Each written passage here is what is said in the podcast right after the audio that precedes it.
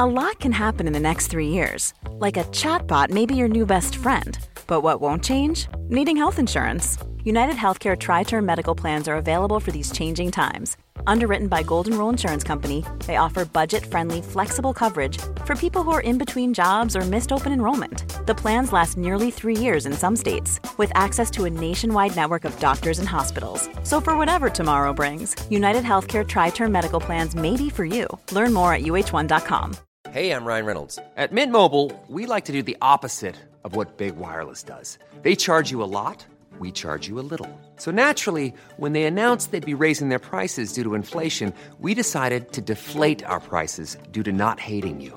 That's right. We're cutting the price of Mint Unlimited from $30 a month to just $15 a month. Give it a try at mintmobile.com slash switch. $45 upfront for three months plus taxes and fees. Promo for new customers for limited time. Unlimited more than 40 gigabytes per month. Slows. Full terms at mintmobile.com. Everyone knows therapy is great for solving problems, but getting therapy has its own problems too, like finding the right therapist, fitting into their schedule, and of course, the cost. Well, BetterHelp can solve those problems. It's totally online and built around your schedule. It's surprisingly affordable too. Connect with a credentialed therapist by phone, video, or online chat, all from the comfort of your home. Visit betterhelp.com to learn more and save 10% on your first month. That's BetterHelp, H E L P.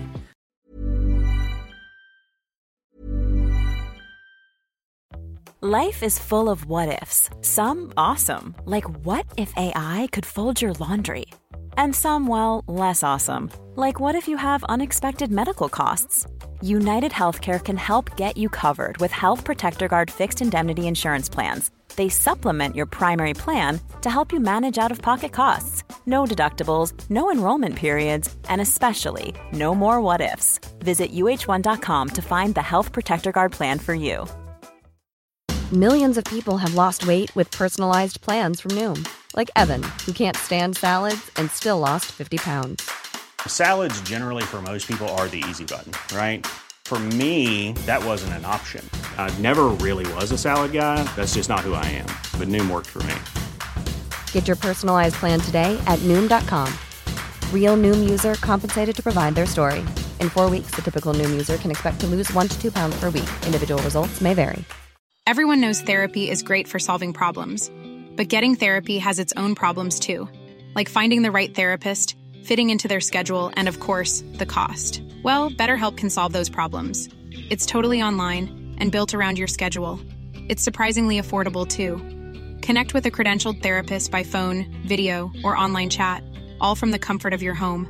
Visit betterhelp.com to learn more and save 10% on your first month. That's BetterHelp H E L P.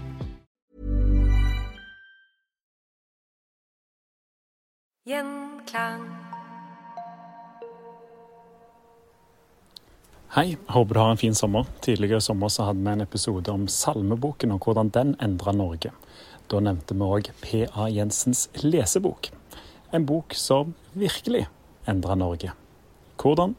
Det skal du få høre nå i denne gjesteløse bonusepisoden av Historier som endret Norge.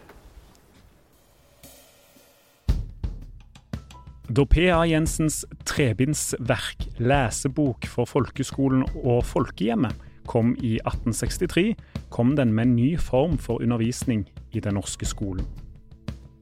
Barna skulle oppdras til å få kunnskap på alle områder som kunne være til nytte for samfunnet. Dette i motsetning til tidligere lesebøker som la hovedvekten på kristendomskunnskap. For enkelte ble den nye informasjonen i det meste laget.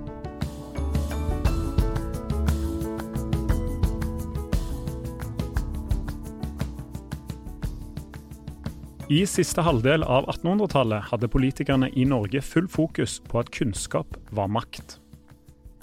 En kunnskapsrik befolkning hadde mer å bidra med når man skulle modernisere landet og skape nye næringer og et effektivt jordbruk.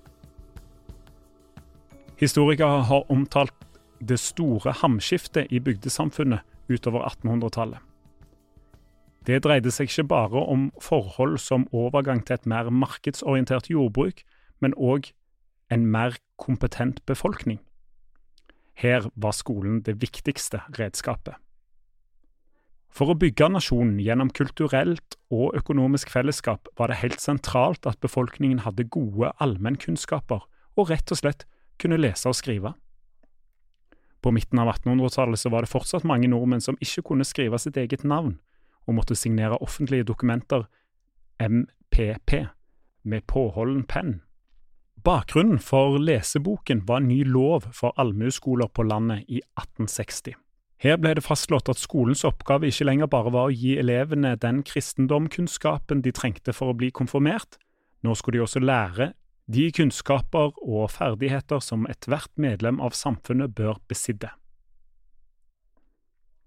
En pioner når det gjaldt tanken om folkeopplysning, var den danske presten Grundtvig.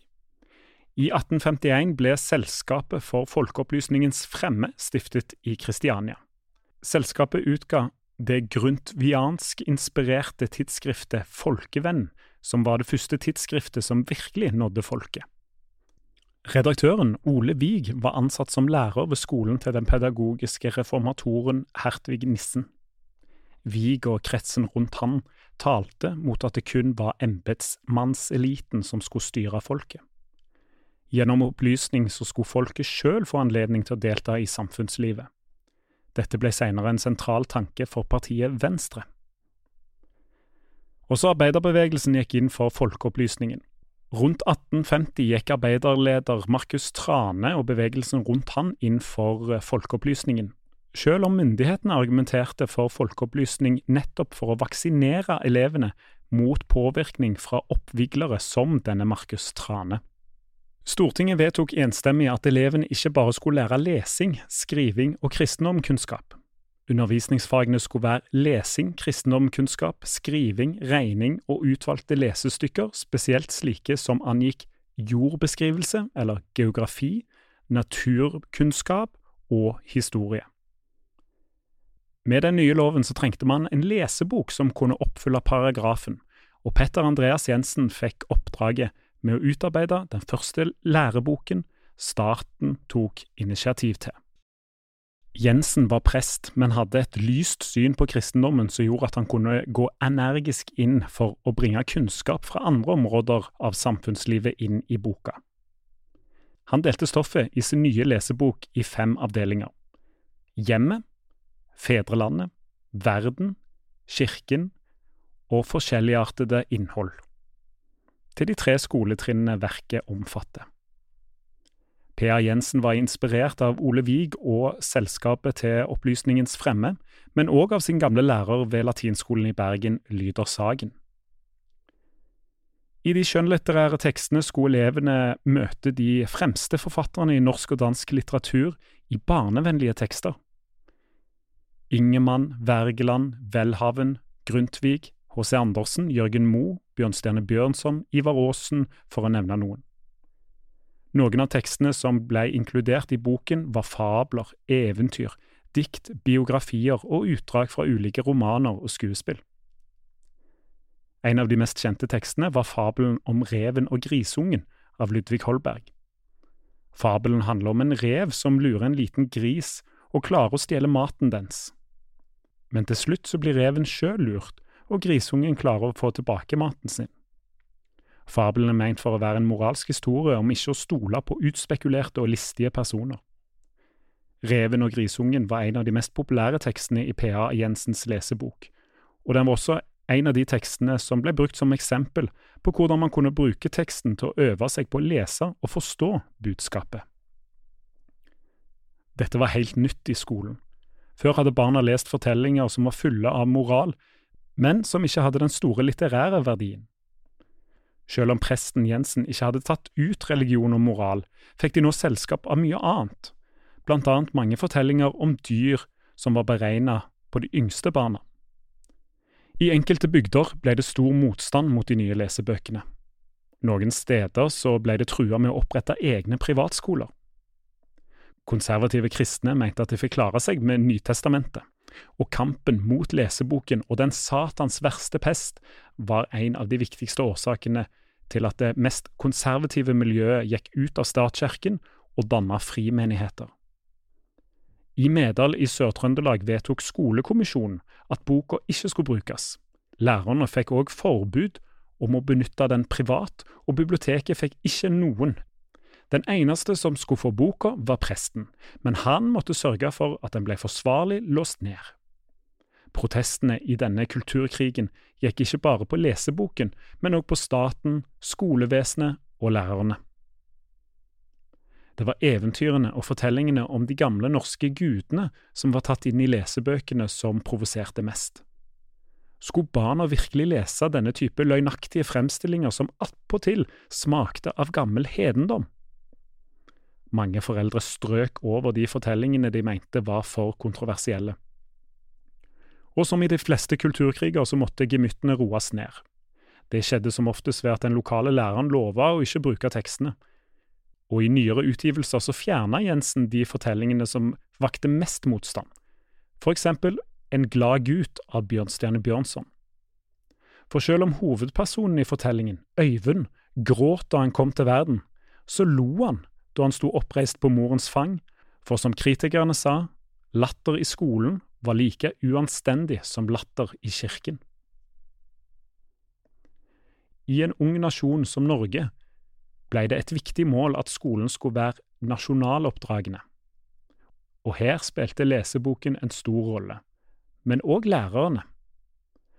Før man kom i gang med organisert lærerutdannelse i Norge, så var læreryrket i liten grad forbundet med sosial status.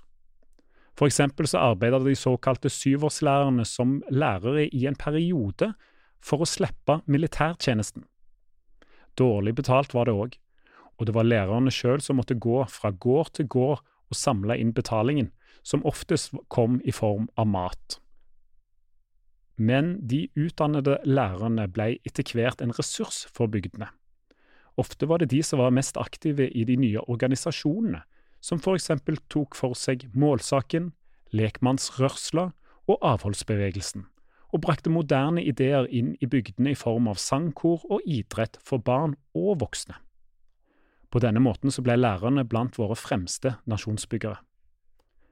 P.A. Jensens lesebok ble òg en forlengelse av den nasjonsbyggingen som historikere, forfattere og kunstnere hadde stått for på 1800-tallet.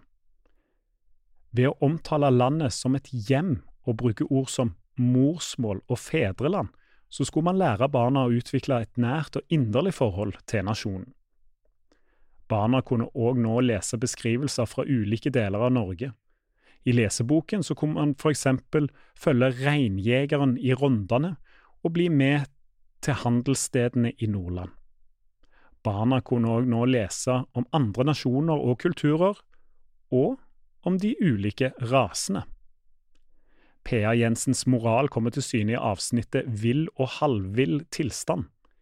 Der forklares det at befolkningen i de varme deler av verden har kunnet overgitt seg til dovenskap og ført et nesten dyrisk liv, mens man i land der man må arbeide med ånd og hånd for å skaffe seg mat, har utviklet en kunnskap, makt og velvære.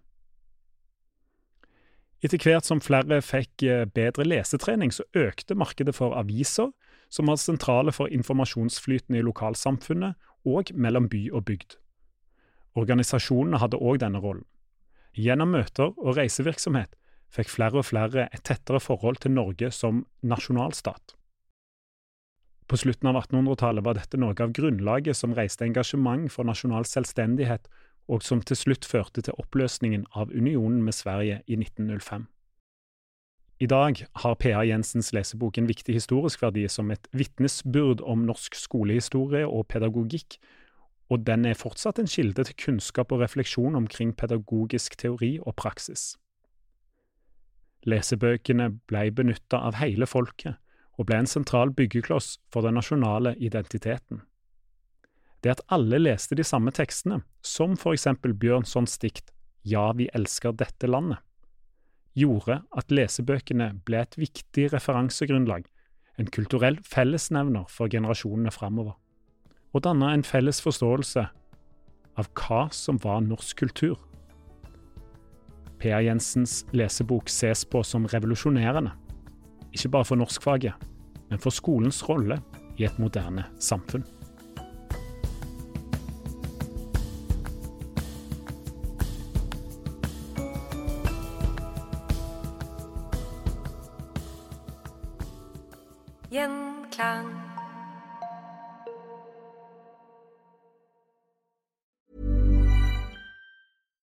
Deserves the best, and there's no better place to shop for Mother's Day than Whole Foods Market. They're your destination for unbeatable savings, from premium gifts to show-stopping flowers and irresistible desserts. Start by saving 33% with Prime on all body care and candles. Then get a 15-stem bunch of tulips for just $9.99 each with Prime. Round out Mom's menu with festive rosé, irresistible berry chantilly cake, and more special treats. Come celebrate Mother's Day at Whole Foods Market.